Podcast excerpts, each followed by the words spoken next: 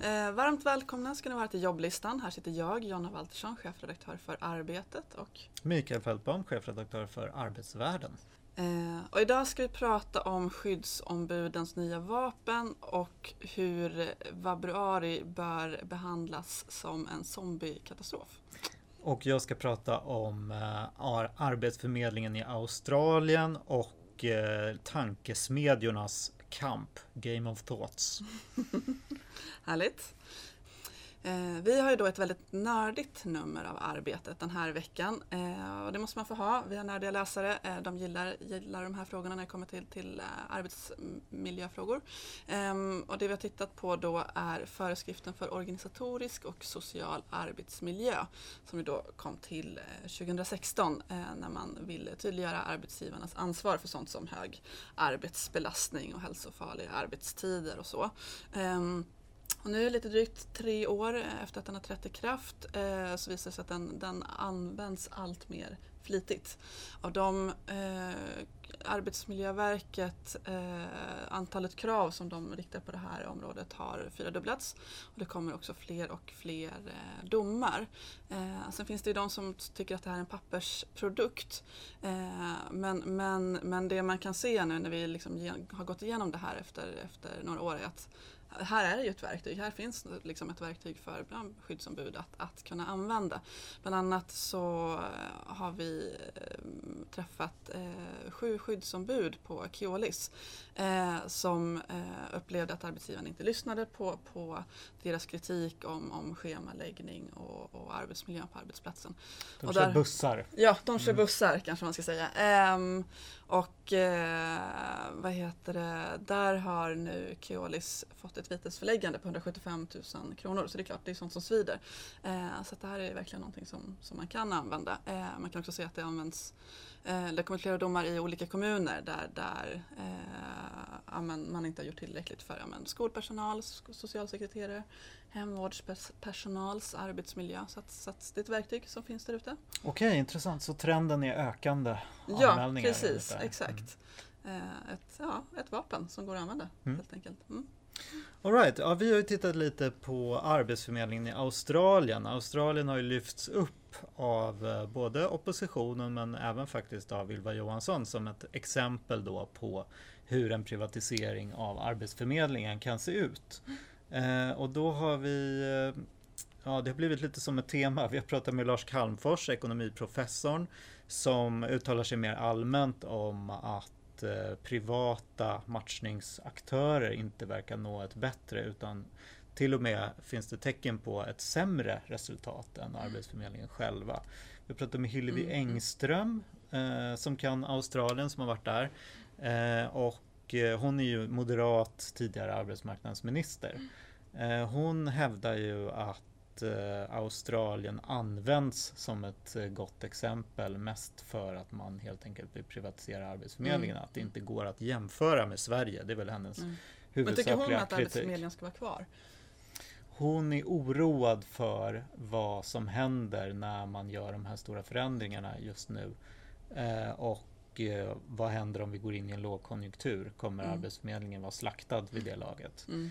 Eh, och hon ser, hennes stora kritik är väl ganska mycket att man fokuserar ganska mycket på matchning och inte tar tag i de här långtidsarbetslösa på samma sätt. Sen har vi pratat med eh, en forskare och en person som har utrett eh, Arbetsförmedlingen åt facket i, i Australien, australiensare mm, mm. alltså. De är ganska hårda i sin kritik. Eh, det hävdas bland annat att fackföreningarna ser den här omvandlingen som rasistisk i och med att det är, alltså det är ganska klassiska problem när man implementerar en marknad i mm. någonting som är myndighetsutövande förut. Att man väljer att fokusera på de som ligger ganska nära arbetsmarknaden mm. eftersom de har lättare att få jobb och eftersom man får betalt då för att skaffa jobb eh, åt folk, vilket också leder till att man skaffar ganska okvalificerade jobb så att folk inte då får utlopp för sin utbildning och så vidare. Men det rasistiska leder ju, är ju då att mycket ursprungsbefolkning som kanske står längre från mm. arbetsmarknaden eh, negligeras i det här systemet. Då. Mm, mm. Att det inte blir lika stark arbetsförmedling ute i landet, i regioner, utan mm, man mm. fokuserar på större, mer välbefolkade områden. Eh, så, ja, det är de här, och det här är ju inga utmaningar som man inte vet om. Så här är det ju ofta när man Mm, jobbar med den mm, typen av system. Så att, eh, det blir intressant att se om det finns någon plan för att eh, behandla de här Mm, problemen som mm. kommer uppstå. Liksom. Ja, verkligen. Ja, det låter kanske inte som att Australien är den, den förebild som du utmålar som just nu i alla fall. Nej, Men- det kan man nog Säger. säga att det inte Du ska ju prata om Game of Thoughts. Game of Thoughts, ja men det kan jag berätta om på en gång. Vi har gjort en liten granskning av tankesmedjornas eh, genomslag under valåret. Eh, och eh, man kan väl konstatera att det är Timbro, eh, Katalys och Fores som ligger i topp där. Eh, och eh, vad kan man dra för slutsatser egentligen av den här granskningen? Mm, Alltså mm. dels kan man ju konstatera att näringslivsanknutna tankesmedier har ungefär eh, 20 gånger mer pengar. Det här är Arena Opinion Mm, som har mm. undersökt. Så det Ah, är okej. inte, inte Så det är något som vi har tittat som på. har kommit En tankesmedja själva som Ah. har gjort det. Men vi har kommit fram till att de får ungefär fyra gånger så mycket genomslag i medierna som de fackliga Mm, eh, mm, tankesmedierna. det. Och eh, sen kan man väl också säga att de tankesmedjor som kommenterade valrörelsen, som kommenterade partiernas rörelser, fick ju ganska mycket genomslag Mm, mm. just det här året.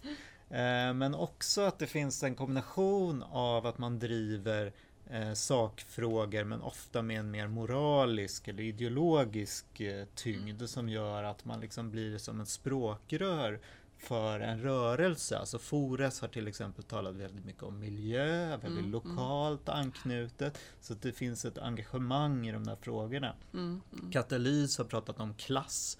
Det är också någonting som får liksom sakpolitiska konsekvenser men som folk har en känsla Mm, omkring och att det känns som att man blir på något sätt en, ett uttryck för en rörelse som redan finns. Mm, Det här är bara mm. min personliga analys, det här är inget vi skriver om egentligen.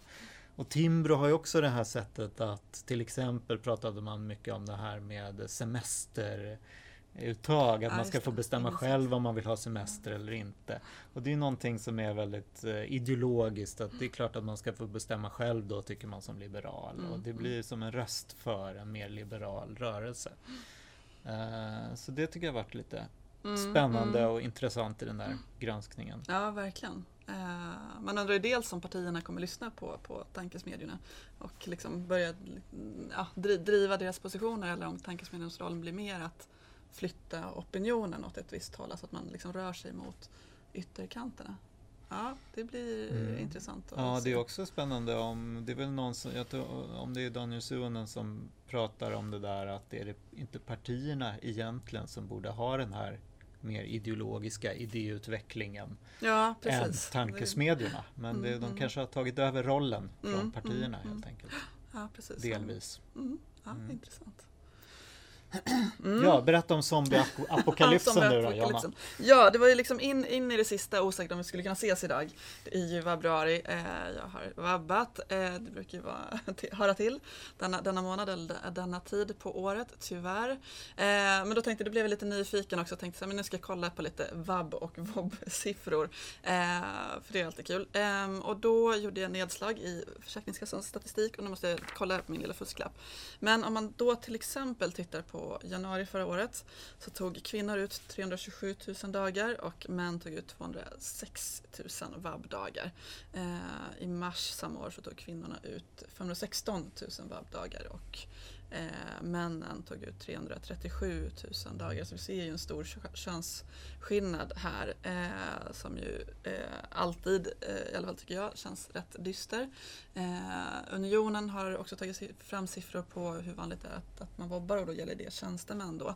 Vobba, det är när man vobba. stannar hemma med sjukt barn och jobbar, Och jobbar. samtidigt. Precis. Mm. Gans, ganska vanligt eh, är det ju om man är tjänsteman. Mm. Eh, tjänsteman. Ehm, och 72 procent av de som eh, stannar hemma eh, eller som vobbar gör det för att liksom, det är enda sättet att hinna med sina arbetsuppgifter.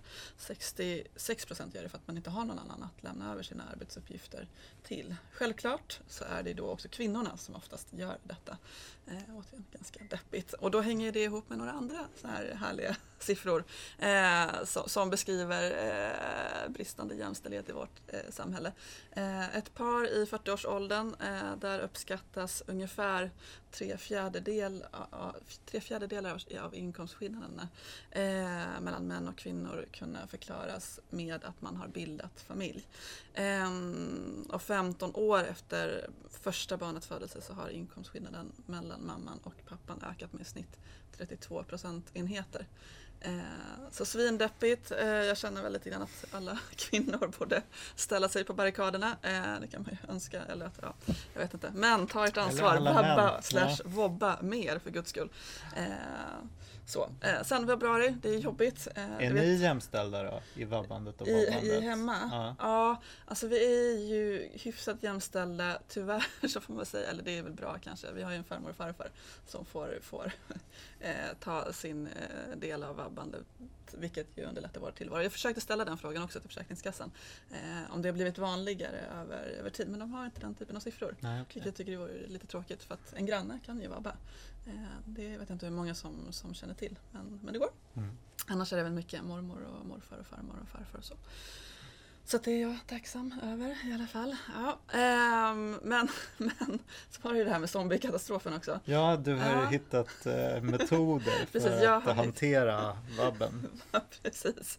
Äh, ja, ja, min, min linje, vilket jag skrev om i förra veckans tidning, är, är att man ska förbereda sig inför vabruari som inför en zombiekatastrof. Det vill säga, man, alltså man måste verkligen förbereda sig och se till att ha vätskeersättning hemma. Man behöver ha vitpepparkorn och man måste se till att ha fyllt på sina eh, klor, klorförråd. Vitpepparkorn, ja, varför då? Därför att det, det här, det här eh, behöver inte stämma överhuvudtaget men det finns ju eh, de som hävdar att tar, tar du tio vitpepparkorn mm. så kommer du förhindra kräksjukan. Jag gjorde det här senast i kräksjuka på min sons förskola. Jag blev inte dålig men det blev inte han heller då. Eh, men ja, en, eh, sen fick jag ett, ett annat genitips eh, när jag delade min, min inledare i mitt Facebookflöde. Eh, det är att man ska dricka mycket, eh, man ska dricka te med mycket mynta i när vinterkräksjukan slår till för då smakar kräkset bättre.